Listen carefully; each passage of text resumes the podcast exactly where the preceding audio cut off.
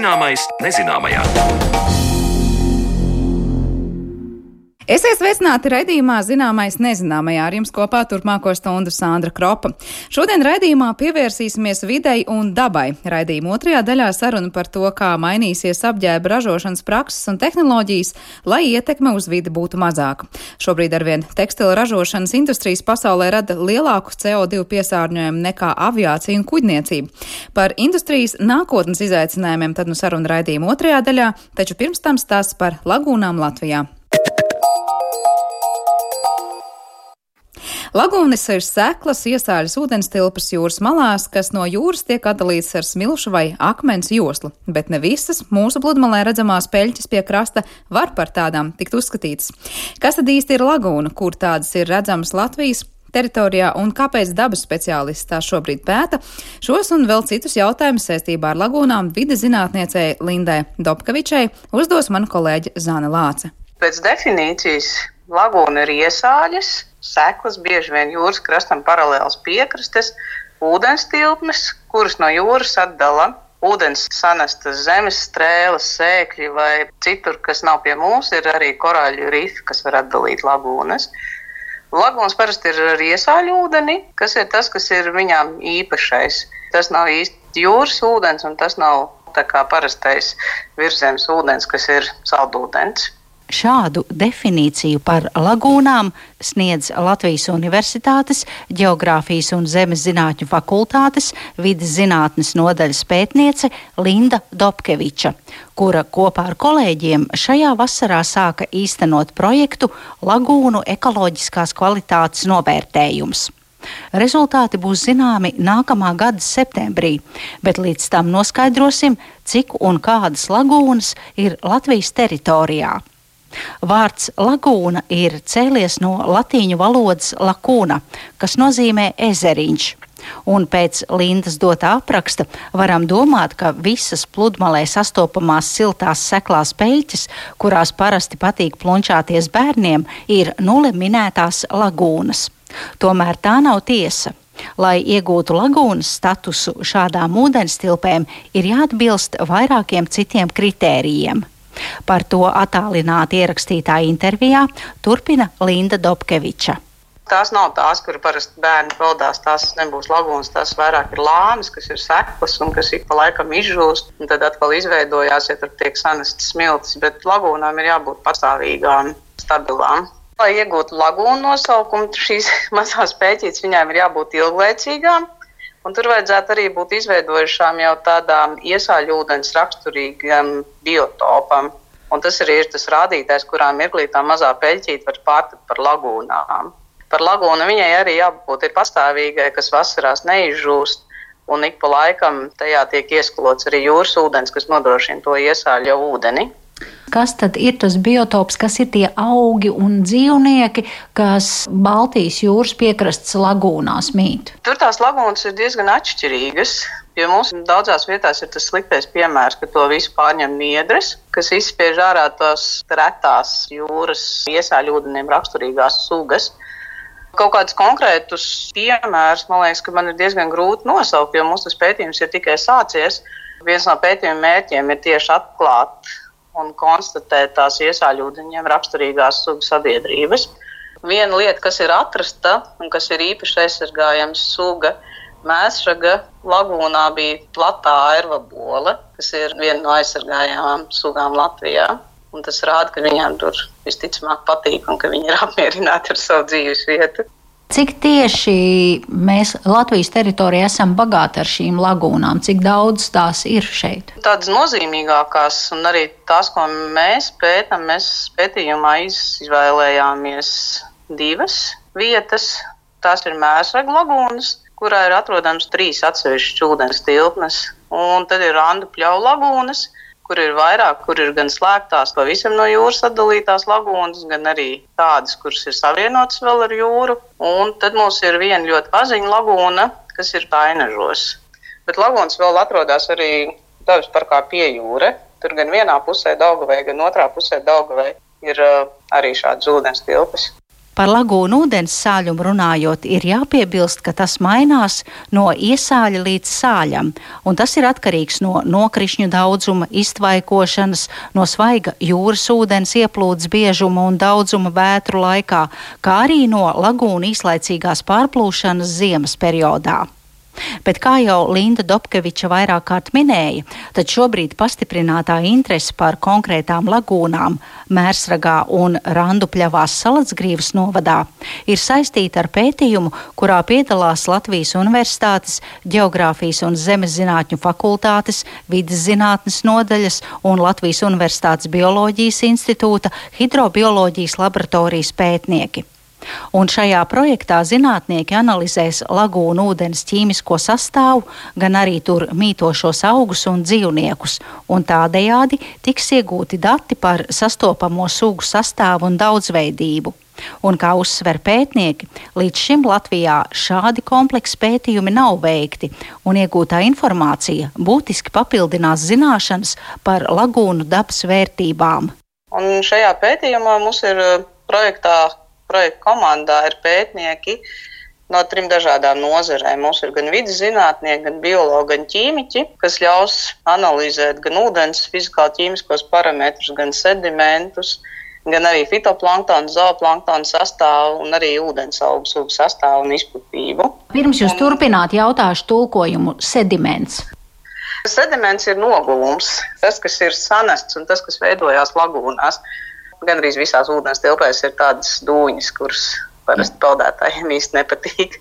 Bet tas arī ir tas galvenais, un tas eh, pētījums, tā lielākā novitāte ir tāda, ka um, Latvijā šādi kompleksi pētījumi par lagūnām praktiski nav veikti. Ir vairāk pētīts tieši varbūt tās rānu pļavas.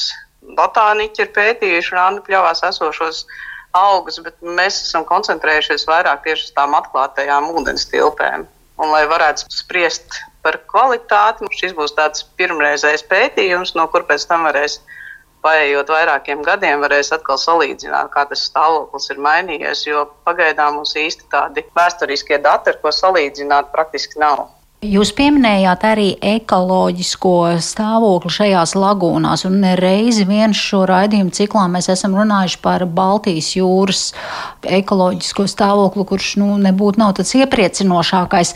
Cik lielā mērā situācija Baltijas jūrā ietekmē šīs lagūnas? Tā ietekme droši vien, kad ir novērojama lielākoties, kad ir vētras, kas sakarā ar klimatu mainību ir biežākas un stiprākas. Un tādā veidā tā ūdens pārnese no jūras uz lagūnām varētu notikt vairāk un biežāk, un iespējams arī noskalot tās aizsardzības joslas, kas atdala lagūnas no pašas jūras, vai arī tādā veidā izveidot jaunas. Lai gan pēdējos gados šādu jaunu un ilglaicīgu lagūnu izveidošanās nav novērota Latvijā. Un par pašu Baltijas jūru, ja mēs skatāmies, tad, tad protams, ka Baltijas jūras kopējais veselības stāvoklis ietekmēs arī atsevišķo lagūnu, jo tas ūdens maiņa notiks starp jūru un starp lagūnu, un tad tas var ietekmēt. Un lagūnas, manuprāt, vairāk ietekmē tieši piesārņojošo vielu ieplūde no antropogēnajām teritorijām, kas ir uh, šī gadījumā gan ostu tūms, mērsragā un arī salacgrīvā un ainažos, kas varētu zināmā mērā ietekmēt. Tātad nākamā gada rudenī jau varēsim uzzināt ko konkrētāku, kāds ir šo Latvijā reti sastopamo un Eiropas Savienības nozīmes īpaši aizsargājamo biotopu stāvoklis minētajās teritorijās. Par lagūnām Latvijas teritorijā, Baltijas jūras piekrastē un to pētniecību stāstīja Latvijas Universitātes Geogrāfijas un Zemes zinātņu fakultātes vidas zinātnes nodaļas pētniece Linda Dobkeviča, un ar viņu tikās mana kolēģe Zane Lāce. Bet par to, kāda videi saistība ar tekstilu, mēs parunāsim raidījuma turpinājumā.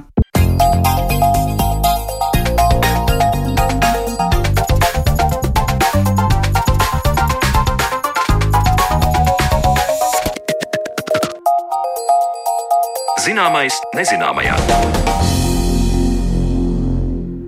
Apģērba ražošana atstāja ļoti būtisku ietekmi uz vidi, sākot jau no dažādu šķiedru ražošanu un beidzot ar cilvēku paradumiem un industrijas biznesa mērķiem, kas ļaujuši attīstīties ātrās modes konceptam. Kā būtu jāmainās tekstila ražošanai un kāds apģērbs nākotnē varētu būt viszaļākais?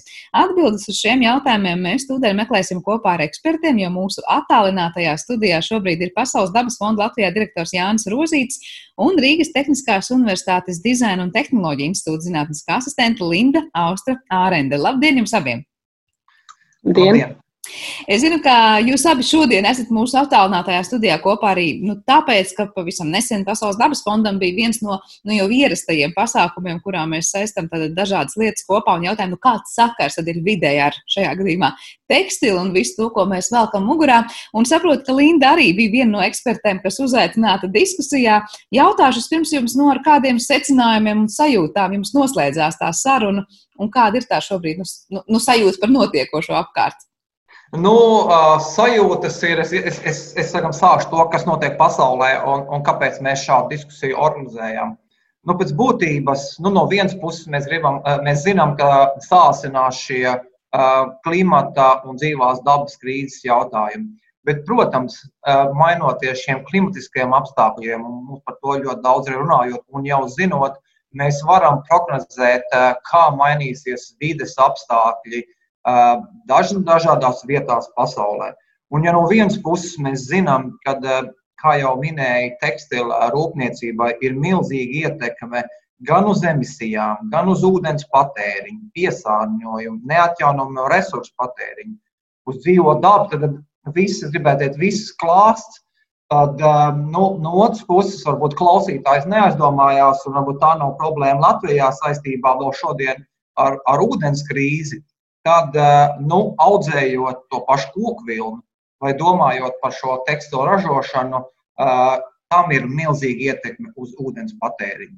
Un, ja mēs skatāmies vide un tekstils, es domāju, ka tas ir liels jautājums, eh, kā mainīsies tekstilu ražošana, kā mainīsies šie geogrāfiskie reģioni, ko tas nozīmēs nodarbinātībai. Jo, piemēram, tā pati Bangladeša kuriem ir 4 miljoni nodarbināto tekstilu ražošanā, kāda tam ietekme būs mainoties šiem vidas apstākļiem. Un tie ir tie lielie jautājumi, un mēs beigās nonāksim līdz tam, ko tad mēs Latvijā varam darīt, kur tad mēs esam atbildīgi šajā patēriņā. Un, ja tā, tā bilde ir ļoti, ļoti globāla un ļoti karsta, un tekstilu rūpniecība šobrīd jau tiek pie, pielīdzināta no emisiju viedokļa aviācijai, no piesārņojuma viedokļa naftas industrijai. Līdz ar to, un pie, izprotot vēl tikai nobeidzot šo, šo, šo ievadu daļu, mēs zinām, ka no 2000. gada līdz šodienai vairāk kā divas reizes ir pieaudzis apģērba ražošanas apjoms un patēriņš. Un tāpat laikā līdz 30 gadam mēs zinām, ka tas vēl vismaz par 50% pieaugs. Tas, tas šobrīd tās, tā, tās um, nu, nākotnes, um, nu, teikt, tā, tā nākotnes aina iezīmē arī uz 50. gadu nu, ļoti negatīvas tendences, ja mēs neatradīsim veidu, kā mainīt. Jā, paldies. Linda, es pieņemu, ka ir daudz ko piebilst, jo bija gan iespēja būt tajā diskusijā klāt, gan arī, nu, es pieņemu savā ikdienas zinātniskajā darbā strādāt pie šiem jautājumiem. Jā, Nu, ļoti precīzs iesākums par to, cik šī problēma ir globāla un sarežģīta. Un tad tajā diskusijā, pat tajā pusotrā stundā, nav iespējams tā pilnvērtīgi ieskicēt visas tās tēmas, kas tekstila industrijā nav ilgspējīgas. Tad mēs diskusijā visvairāk runājām par vidu un tekstilu, un arī turpat visas, visi temati netika paņemti. Bet vēl jau ir darba spēks, kas arī ir ļoti liela problēma un kā mēs izturamies pret šuvējām piegādes ķēdē. Tā kā, nu tā, um, jā, katru reizi, kad man par šo nāks runāt, un diemžēl es nevaru uh, iedot tādu skaistu atbildi vai tādu vienkāršu atbildi, jo tā problēma ir tieši tik savīta kopā ar tik daudzi nu, ūdens patēriņš, tur uh, atkritumi, ļoti daudz tekstilu atkritumi un, tas, un tā tendence, ka mēs turpinam nākotnē palielināt ražošanas apjoms, nozīmē, ka vēl vairāk būs šie atkritumi. Un, un nav tā, ka mums ir tehnoloģijas, kuras spēj tikt ar tiem galā. Ne visus tekstilu atkritumus mēs mākam pārstrādāt. Pat nerunājot par to, ka mums nav infrastruktūra, kur viņus pārstrādāt un kā viņus savākt. Pat ja mums tā infrastruktūra būtu, mēs vēl nemākam visus pārstrādāt. Tā kā, jā. Jā. Par, par pašu tekstilu atkritumu būtību arī mēs droši vien vēl atsevišķi parunāsim, bet jūs abi jau piesaucāt, ka nu, tas ir gan industrija, kas patērē ūdeni, gan rada šīs emisijas un, un piesārņojumu. Vai jums ir kādi, nu, nezinu, salīdzinājumi vai skaitļi, kuros mēs varam pateikt, nu, cik tad mums parasti tur dažkārt saka, viena tēkrakla saražošana prasa litrus ūdens, vai, vai cik tad tiešām vai pielīdzinām aviācijai vai kuģniecībai ir tiešām industrijas ietekme uz, uz pasauli? Nu, Pavisam vienkārši salīdzinot, lai, no, lai klausītājiem būtu sapra, saprotams tas mērogs, mēs varam teikt, ka no apmēram 1 kg kokvilnas saražošanai no, tiek, no, tiek vērtēts, ka tie ir apmēram 20,000 litru ūdens. 1 kg kokvilnas apģērba saražošanai apmēram 3 kg ķīmisko vielu, jo arī pati kokvilna, ko kādreiz mēs tādā pirmā mirklī uztveram, ka tas tāds no, nu, dabisks šķiedra, tas ir kā, no, nu, mēs domājam, ka tas ir vidē draudzīgi, tad mums jāsaprot, ka parastā kokvilna, es nerunāju tagad par um, bioloģiski audzēto kokvilnu, bet parastā kokvilna, kas ir, protams, lielākā daļa, pārliecinoši lielākā daļa no tiem kokvilnas apģērbiem, ko mēs nēcājam, ir apmēram nu, vairāk kā 10% noņēmēji visiem ķīmiskiem augu aizsardzības līdzekļiem. Un tur galvenokārt ir tā lielākā problēma ir, no, no kukaiņa aizsardzības viedokļa. Nu, tur vairāk tiek lietot insekticīdi, bet tas ir milzīgs piesārņotājs ne tikai ūdenim, bet dabai kopumā. Un līdz ar to nu, tie, tie salīdzinoši tie, tie kilogrami, un jā, mēs varam runāt par džinsu biksēm, kuram tur nu, 3000 litru. Tagad tie, tie, tie apjomi, es gribētu teikt, no visām pusēm uzlūkojot, ir iespaidīgi. Linda būs kas piebilstams, jo nu, pieņem, ka par tiem skaitļiem un salīdzinājumiem runāt laikam par daudz un dikti. Jā, bet, bet uh, diemžēl šie skaitļi neko neizsaka. Nu, viņi, mēs viņus nevaram vizualizēt. Un, un viņi tikai, manuprāt, sabiedrē bieži vien tos cilvēkus. Un, uh, tāpēc es uh, ne, nevēlos nu, ieslīgt ciparos, cik slikti ir. Nu, jā, no vienas puses mēs parasti dzirdam, tur tās nesik vannas, ūdens ir vajadzīgi. Nu, tad, nu, vienalga, dažkārt mēs sakam, tur kafijas tasītē vai kilogramam gaļas, vai šī gadījumā arī kilogramam kokvilnas. Uh, bet ko tas reāli nozīmē? Tas nozīmē, ka tas ūdens patēriņš ir kamēr to kokvilnu izaudzē, vai stāsts ir par to piesārņojumu, kas rodas pašā rūpniecības procesā? Arī izaudzēšanā ļoti daudz patērē šo ūdeni gan kokvilnas augšanas procesā, gan ražošanā, jo viņu vajag attīrīt, viņu vajag mazgāt, viņu vajag krāsot. Nu, ir patiesi daudz visa procesa laikā šis ūdens. Bet nu, šeit mēs tikai par ūdeni atkal runājam. Nu, tā kā tas ir viena, tikai viens faktors kokvilnas ražošanā. Ūdens. Jā, es gribēju jautāt arī par tām emisijām, kur tās rodas. Varbūt jūs varat ieskicēt to ķēdi, jo es pieņemu, tas būs gan jau pieminētais ražošanas, audzēšanas process, gan arī piegādes vai ne process. Tad tas tiek aprēķināts laikam no, no ķēdes sākuma līdz pašam, pašam beigu posmam. Jā, nebija kas piebilstams. Jā, noteikti. Šis, tas, tas tiešām jāstāsta kompleksi, un nu, mēs varam nu, paņemt šajā ražošanas apģērba ražošanas procesā jebkuru no šiem puzles gabaliem Mēs varam paskatīties to ķīmiju, mēs paskatāmies ūdeni, mēs nonākam līdz emisijām. Tad eh, pēc būtības jā, ir audzēšana, ir eh, liela daļa tiešām pārstrāde, un plus vēl mums jāstāsta uz, uz, tieši uz piegādēm, jo lielākā daļa mums šobrīd, kā mēs zinām, ražošanas procesi ir izvietot Ķīna, Indija, eh, Bangladeša, Pakistāna, Turcija, nu, kas varbūt ir relatīvi tuvāk. Līdz ar to nu, arī no tās ražošanas ķēžu viedokļa Protams, šī ražošana ir aiznesta kaut kur tālāk projām nu, no Eiropas, no šī patēriņa, no, no galvenajiem patēriņa tirgiem. Līdz ar to, nu, ja mēs sāktu domāt par, par, par, par to, ka, ko tad darīt šobrīd, un kā labāk rīkoties, un tie, tie virzieni, protams, ir dažni dažādi. Nu, pats primitīvākais varbūt ir ietekmes uz vidi mazināšanu, un to vienmēr var darot, darīt un ražošanas procesos. Tas tur tie risinājumi tiek meklēti, bet uh, domāju par tādām inovācijām un transformācijām, tad viens tieši viens no tiem, tiem sarunas priekšmetiem šobrīd ir un jauniem produktiem, kur tieši tiek vērtēta, kāda ir šī ogļu bēda un tiek meklēt risinājumi, kādā veidā ražošanas procesā saīsināt šo, šo ražošanas ciklu, lai mazinātu šīs emisijas. Kas atkal, protams, jāpiekrīt ir, ir um, kolēģei, tā ir tikai nu, viens no puses gabaliem visā šajā ietekmē apģērbu ražošanā. Bet uz kā rēķina tagad ideja samazināt tos posmus ražošanā? Nu, ko, nu kā, no kā atsakās, no kā ir iespējams atteikties? Es domāju, ka, te, te, te, nu, protams, no audzēšanas viedokļa, kā mēs zinām, nu, mēs arī mm, varam vilkt paralēlus, tā kā kokvilnas audzēšana, vai tā būtu līna audzēšana, vai, vai, vai, vai pārtiks dažādu kultūru audzēšana. Mēs zinām, ka ir nepārtraukta diskusija, kā paša audzēšanas procesā mēs varam caur tehnoloģijām, caur tehniku, ko mēs lietojam, un to mēs ļoti labi zinām. Kaut arī Latvijā mēs diskutējam par to, kā mēs mazināsim šo, šo emisiju jautājumu caur, caur sēju, nu, visu daž, dažādā šajā audzēšanas procesā.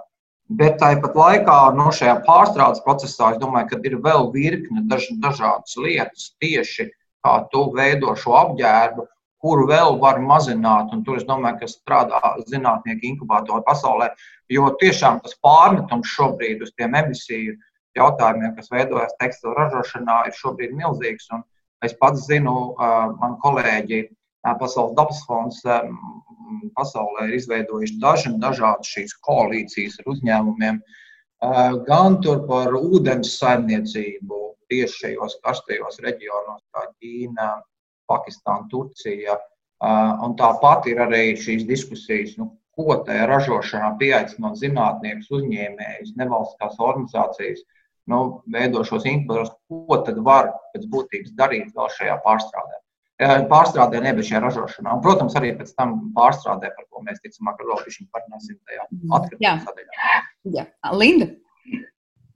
Jā, es šeit gribētu pieminēt, ka lielākā daļa emisijas ir no enerģijas patēriņa. Tātad mēs iedomāsimies lielu cehu ar šīm mašīnām, viņas ir elektriskas šīm mašīnas, tātad tiek patērēta ļoti daudz enerģija. Un tas lielākais procents um, modes industrijas emisijas veidojas tieši no enerģijas. Tāpēc uh, tas lielākais rīks, ko mēs varam darīt, un ko mēs jau mākam darīt, ir pāriet uz atjaunojamas enerģijas avotiem. Un, un tas it kā nav tieši nu, tā, tā nav modes industrijas atbildība, bet tāpat laikā tas ir viens no lielākajiem rīkiem, pieejamiem rīkiem, ko darīt. Tā kā, jā, tur es, es, nu, to es gribētu uzsvērt.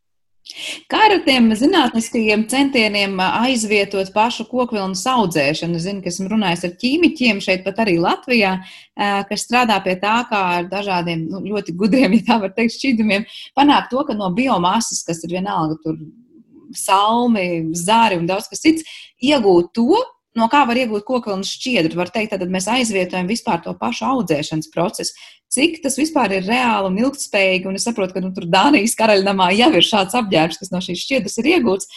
Vai jūs raugāties uz to kā tādu risinājumu? Es personīgi nē. Um, piemēram, viskoze arī ir ļoti līdzīga. Viskoze ražo no celulozes, um, kokvilna arī ir celulozes šķiedra. Um, un tad to viskos kā ražo, viņi nocērt kokus, pārtais viņu par tādu celulozes masu un tad rada šo šķiedru. Nu, protams, uh, kā, es nezinu, kā to nosaukt, sintēzēta kokvilna varētu mazināt um, audzēšanas uh, kaitīgumu, taču es neuzskatu, ka viena kaut kāda brīnuma šķiedra uh, varētu atrisināt visas modes industrijas problēmas. Uh, protams, tas ir virziens, kā mazināt jebkurš solis, lai mazinātu ietekmi un bremzētu klimata krīzi nākotnes, ir labi.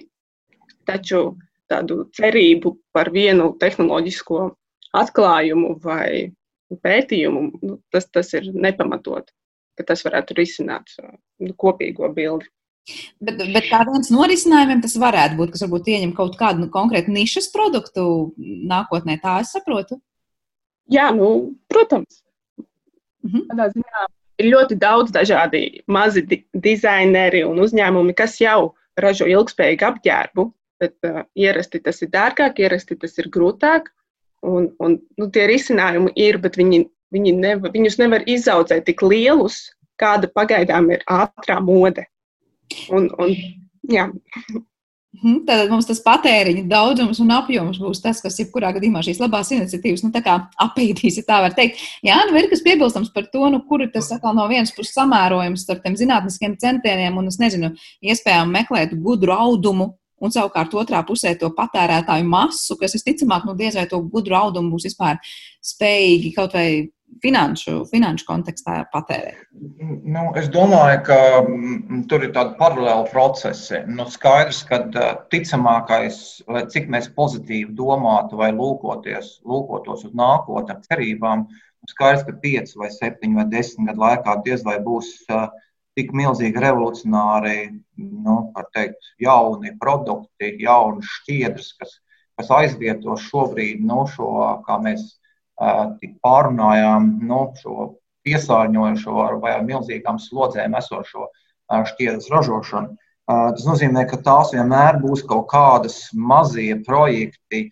mazie produkti, un kur kaut kā viņi mēģinās spiesties iekšā nu, kaut kādos tirgos, bet tas atkal būs, nu, kā jau kolēģi teica, tas būs noteikti dārgi, un to izvēlēsies tikai atkal kaut kāds atsevišķs cilvēku grupas ar nu, ļoti tādiem, nu, teikt, augstiem ētikas eh, kodeksiem. Uh, bet um, nu, līdz ar to nu, tur ir vajag kaut kādas divas lietas. Viens ir, protams, ka zinātnē ir jāstrādā un saucamā bioekonomika. Tas ir absolūti viens no šī brīža nu, virzieniem, kā mēs kaut ko varam nu, meklēt, kaut kādas risinājumus. Bet, protams, otrā pusē jau ir visi tie patēriņa jautājumi, izglītības jautājumi, nu, kas ir nu, ļoti, ļoti lieli, plaši. Un, un tur vēl, kā jau mēs sākumā pieminējām, nu, mēs vien šeit mēs runājam par to, kā varētu, kā mēs varētu mazināt šo, šo, šo, šo, šo patēriņu, kam atkal būs ietekme otrā pusē uz ražošanu, uz darba vietām. Tie jautājumi ir ļoti, ļoti dziļi. Nu, ja mēs šobrīd pēkšņi Eiropa nomazinātu par x procentiem patēriņu, tad jautājums, kas notiek otrā pusē, kāda ir tā alternatīva? Tas nozīmē, ka īstenībā tam, tam produktam ir jākļūst, eh, nu, es gribētu teikt, um, mēs, mēs ticamāk, mēs pirktu mazāk, mēs pirktu dārgāk, bet otrā pusē šie, šie, šie cilvēki, šie cilvēku resursi, kas strādā šajā ražošanā, nu, tas, tas tam nevajadzētu samazināties nu, tā fundamentāli un ļoti ātri. Bet, protams, varam domāt, ka mēs pārgrupējam tos darbiniekus kaut kādi jauni ja, jaunas inovācijas nāk, bet, um, bet tas viss ir jādara ļoti, ļoti pakāpeniski, jo, jo tam aiz muguras ir milzīgi arī sociālās sistēmas. Jā, par to, kāpēc šīs ražotnes atrodas tajās valstīs, kurās jau piesaucāt abi divi tādas šos reģionus. Tas ir tāpēc, ka tas ir darba spēks, kuram maksā krietni mazāk, un varbūt kas ir mazāk aizsargāts.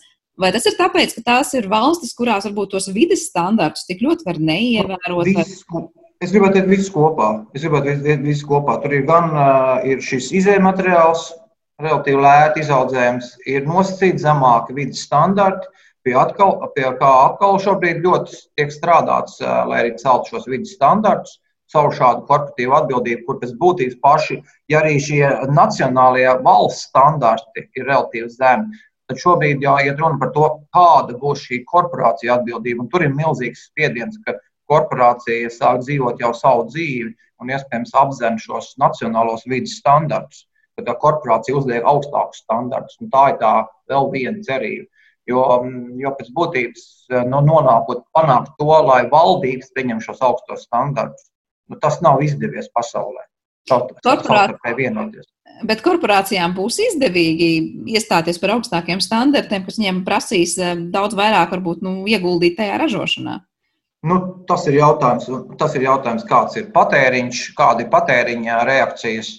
Šobrīd mēs zinām, ka nu, patēriņš, kā jau mēs runājam, iet uz augšu. Labi, es gribētu teikt, Latvijā noteikti nav augstākais patēriņš. Arī Eiropā nav augstākais patēriņš. Pieņem, ka ASV ir vēl lielāks vidēji. Pasaulē laikam ir kaut kādi 5 kg šis apģērba patēriņš uz cilvēku. Bet, un, un Eiropā tas ir trīs reizes lielāks, bet nu, ir vietas, kur ir vēl lielāks. Bet jautājums, jā, kāda ir šī patēriņa reakcijas? Un, un, un, īst, un īstenībā ir kaut kādas alternatīvas, ko tam patērētājam. Nu, diez vai patērētājam šobrīd mēs varam izmainīt, ka cilvēkam aicināt nu, ne, ne reizi nedēļā uz veikalu un nepērkt apģērbu gabalu. Tas nozīmē, ka mums ir jāpiedāvā kaut kas stilīgs. Uh, kaut kāda alternatīva. nu, šām, šī, šīm auditorijām. Un tas ir tādi, nu, tur ir līdz ar to arī ļoti svarīgi, kāda ir uh, no influenceru modes tendences, kā iedarbojās šie modes nomašiem procesi. Linda, kāds ir tas redzējums, kur, saka, meklēt risinājumu problēmai? Vairāk tajā, kā Jānis tikko pieminēja, kad mazināt to patēriņu un tomēr mēģināt uzrunāt vienalga, vai tie ir influenceri vai kas cits, kā ir stilīgi varbūt nepirkt reizi nedēļā jaunu apģērbu, vai tomēr domāt, kā to visu savākt, kā to visu pārstrādāt un ko ar to visu darīt? Um, jā, pat, mazināt patēriņu būtu ļoti vienkārši, bet es domāju, ka tas ir neiespējami tagad cilvēkiem teikt, pēc mazāk nu, viņi ir pieraduši pie kaut kāda sava komforta, pie savas stila maiņas. Nu, un tāpēc tas, um, um, mēs nevaram motivēt viņus tagad nepirkt uh, vai ne, neizskatīties tik labi, cik viņi vēlas. Tāpēc es esmu noteikti par kaut kādiem sistemātiskiem risinājumiem, kur ir tad, uh, palielināt šos vidas standartus un uh, darba spēka standartus. Un arī pārstrādāt, protams, mums ir jātīst un, jā, un, um, un tā kā jā, jāpilnveido, taču tā arī tā, tā nav gluži tā galvenā, galvenais risinājums. Mums vajadzētu mazāt, mazāk atkritumus, nevis, um, nevis tā kā, o, mēs tagad uh, izdomāsim pārstrādi un varam ražot atkritumus, cik daudz vien gribam, tikai tāpēc, ka mums ir pārstrādes tehnoloģijas. Tā es arī negribētu iebraukt šajā uh, nu, virzienā vai domāšanā. Jā, par tiem atkritumiem runājot, mēs te beidzot esam nonākuši pie mūsu izslavētā tāda sarunas aspekta. Kas īsti šobrīd notiek ar tiem tekstilu atkritumiem un kur ir problēma to savākšanā? Viņi pagaidām tiek lielākoties sadedzināti vai noglabāti poligonos, um, nu, kur nu, vienkārši tiek izmesti laukā. Jo, piemēram, lielākā daļa tekstilu atkritumu ir kaut kādi šķiedru sajaukumi, un šķiedru sajaukumus mēs vēl nemākam pārstrādāt. Um, tur arī rodas problēmas, kādas ķīmiskās vielas ir izmantotas ražošanas procesos. Kā, un, un pārstrādāta šķiedra mēdz būt sliktākā kvalitātē nekā sākumā. Tāpēc uh, ir grūti uh, izveidot šos jaunos produktus, ko ar šiem pārstrādātiem tekstilu varētu uh, rīkoties. Protams, ir pildījumi, ir izolācijas, ir nu, tādi konkrēti, konkrētas vietas, kur mēs varam uz leju pārstrādāt šo tekstilu, bet ideālā gadījumā mēs gribētu no veca tekstila radīt jaunu tekstilu, un tas mums vēl nav kā, atstrādāts. Tad es pareizi saprotu, ka šobrīd jūs savāktu kaut vai, piemēram, mēs visi precīzāk savāktu un sašķirotu atsevišķus konteinerus, piemēram, tekstilam. Tad vienalga tā buķete, kas ir pašā tekstila izstrādājumā, ir tik sarežģīta un kompleksa, ka tā vienkārši to pa sastāvdaļām nesadalītu un nepārstrādātu. Jā, Um, protams, daļu var pārstrādāt, un, un, un viss būs kārtībā, bet uh, ir šī daļa, kaut vai poliestera un kokvilnas sajaukumi, kas ir populārs, populārs materiāls.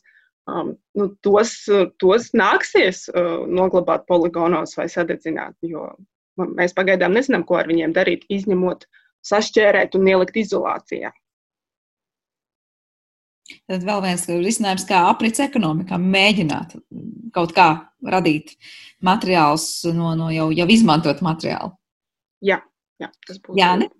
Nu, tas jau šobrīd arī tas šobrīd uzstādījums, un mēs zinām, ka Eiropas Savienība ļoti nopietni pievērš tam, uz, tam uzmanību, ticamāk šī šķirošana būs obligāta, nu, jau, gribētu teikt, pēc dažiem gadiem.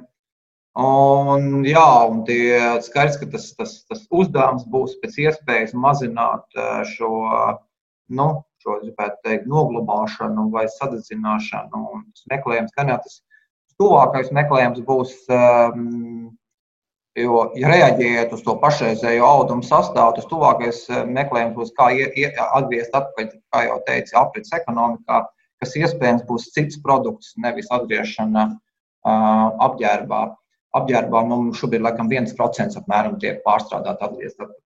Bet uh, pēc būtības, nu, jā, tie ir celtniecības materiāli, kas tad ir, nu, relatīvi varētu būt tas vienkāršākais, uh, ko darīt. Bet es domāju, ka arī šodien, ja tas šodien pēkšņi būtu jānodrošina šī pārstrāde, es domāju, ka nebūtu arī īsti atbildes arī no celtniecības viedokļa.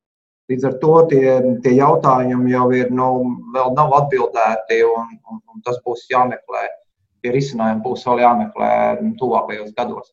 Līdz ar to nu, tas, tas man liekas, ja mēs sasumējam tā vienkārši, mēģinām kaut kā sasumēt to, ko tad darīt.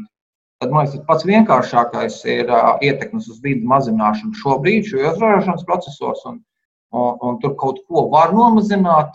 Tas, protams, nenesīs gaismu tuneļa galā ļoti spilgti. Bet tomēr tie būs kaut kādi soļi, ko var darīt, manuprāt, nu, burtiski šodien un, un nākamgad. Un, un, un tas arī kaut kur tiek tie risinājumi meklēti.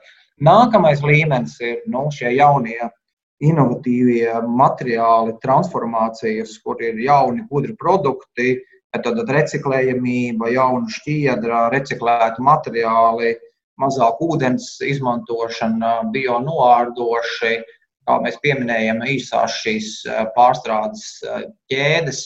Nu, tas ir tas, kas ir varbūt tādā vidējā termiņā, un, protams, protams, protams nevar noliegt, ka šis lielais izaicinājums ir patēriņš, bet tam aiz muguras nāk kaut kāda izglītība, izpratne. Un tas, kur ir apakšā izglītība un izpratne, tas nav izmaināms ne gada, ne trīs, ne pieci gadu laikā. Tas ir tāds nu, liels process, ko, ja mēs šodien visi apņemtos vai nākamgad ar 1. septembri par to runāt, tad mums jāsaprot, ka mēs kaut kādas izmaiņas varētu sasniegt labā gadījumā pēc 10, 15 gadiem. Līdz ar to nu, tie ir tie, bet tas, protams, tas, ja mēs skatāmies un tos ciklus, nu, kas tiek norādīti, protams, ka tas, tas pirmais ir nu, reduce, kā saka, nu, samazināt šo patēriņu, bet tas ir, protams, būs nu, loģiski, tas ir tas sarežģītākais, un tas nav tikai šajā jomā, mēs paņemam jebkurām patēriņu, patēriņu grozā, jebkuriem produktiem. Jā, un to, ka mums ne īpaši veicās ar to samazināšanu, jebkurā jomā arī mēs droši varam, varam redzēt. Jā, nu, mēs varam paskatīties, jebkuru, nu, mēs šodien varam nu, nu, runāt par jebkuru citu tēmu, un mēs redzam, kādi ir šī brīža statistikas rādītāji pasaulē. Tad, nu, pēc būtības visi ir pieauguši. Mm -hmm. Jautājums, jā. Tas nozīmē, ka šis patēriņš, nu, tas ar to jāstrādā, bet tas ir tāds nu, paralēlais viens no tādiem lieliem blokiem, bet tas, tas ticamāk nemainīsies tuvākajā piecdesmitgadē. Linda, noslēdzošais jautājums. Vai tad ir tā, ka mums no vienas puses gribas meklēt tādu maģisko risinājumu, pateikt, lūk, nomainīsim, liksim, nezinu, visas kārtas uz tur zinātniekiem, kas mums izgudros citas audumus vai, vai pārstrādes tehnoloģijas, un mums liekas, ka problēma pazudīs. Vai, nezinu, iesim soli pa solītim un katrā no posmiem mēģināsim kaut vai mazas, bet izmaiņas veikt, lai tas tas, tas, tas process, kā saka, kļūtu dabai draudzīgāks. Kāds ir tas redzējums, ko darīt? Manuprāt, ļoti precīzi ieskicēja, ka katrā no posmiem darīt to labāko, negaidīt ideālo risinājumu, kas risinās visas, bet nu, tos pa maziem soļiem pēc iespējas uzlabot. Citādāk, citādāk tā problēma ir tik liela, ka mēs sabīsimies un nedarīsim neko, ja mēs gaidīsim ideālo risinājumu. Tāpēc es ļoti piekrītu tam, ka tad, tad gan audzēšanā, gan ražošanā, gan patēriņā, gan pārstrādē meklējam šos risinājumus, risinām mazākas problēmas, un tad viņas sakoposies, un, un viss, manuprāt, beigsies ar vien labāk. Jā, bet vienīgais meklējot to labāko risinājumu, laikam jāuzmanās arī no tādiem nu, īstermiņa vai, vai kādiem tādiem mītiskiem, pat teiktu, priekšstatiem, jo, nu, piemēram, tas, nezinu, drēbju sūtīšana uz attīstības valstīm, kas varbūt pirms dažiem gadiem vēl izskanēja, kā, nu, kā mēs taču, kā saka, dodam vēl kādam valkā drēbes, kuras mēs paši nevalkājam, patiesībā rada jaunas sociālās un vidas problēmas. Kā neiebraukt nevienā, ne otrā galējībā? Diemžēl tādas skaidras atbildes šeit nav. Uh, censties labāk, kad saprot, ka kļūdies, labot šo kļūdu. Nu, um, nu, tā kā dzīvē, nu, izmēģini uh, visus, visus uh, nu, rezultātus vai nu, tos efektus jau nevar uzreiz paredzēt. Bet, jā, bet tas piemērs par to, ka sūtīt apģērbu tālāk uh, uz citām valstīm, nu, ir pierādījies, ka tas nav varbūt tas labākais veids, kā risināt tekstilu atkritumu problēmu. Tā kā esam jau kaut ko arī mācījušies. Jā, vai ir kas piebilstams pie tām mācībām? Jā, nu, par, šo, par, šo, par šo sūtīšanu. Tā kā no vienas puses mēs aicinām un, un sakam, nu, mēģini vēlreiz nu, nodrošināt šo koplietošanu vai vēlreizēju šo apģērbu izmantošanu, bet ko mēs redzam? Nu, arī tas trūcīgais cilvēks beigu beigās savā garā un izpratnē neko jau neatšķirās no šī turīgā cilvēka. Atšķirība tā, ka turīgais aiziet reizes nedēļā nopērkt to apģērbu varbūt par tūkstošu vai par pāris tūkstošiem eiro. Un trūcīgais dodas un nopērk šo apģērbu reizi nedēļā pa vienu eiro. Un pēc vienas valkāšanas vienkārši apģērbu izmet ārā. Un, nu, mēs nonākam atkal turpat. Tas atkal ir stāsts par to mūsu domāšanu, mūsu redzējumu plašāk nekā tikai un vienīgi, kā mēs redzam to savu, savu to, nu, nu, es gribētu teikt, savu mājsaimniecību. Mums liekas, nu, ko mēs ļaunu izdarām, mēs nopērkam šo kreklu pa eiro, uzvelkam un izmetam ārā viņu. Varbūt vienreiz izmazgājam, varbūt nereiz neizmazgājam.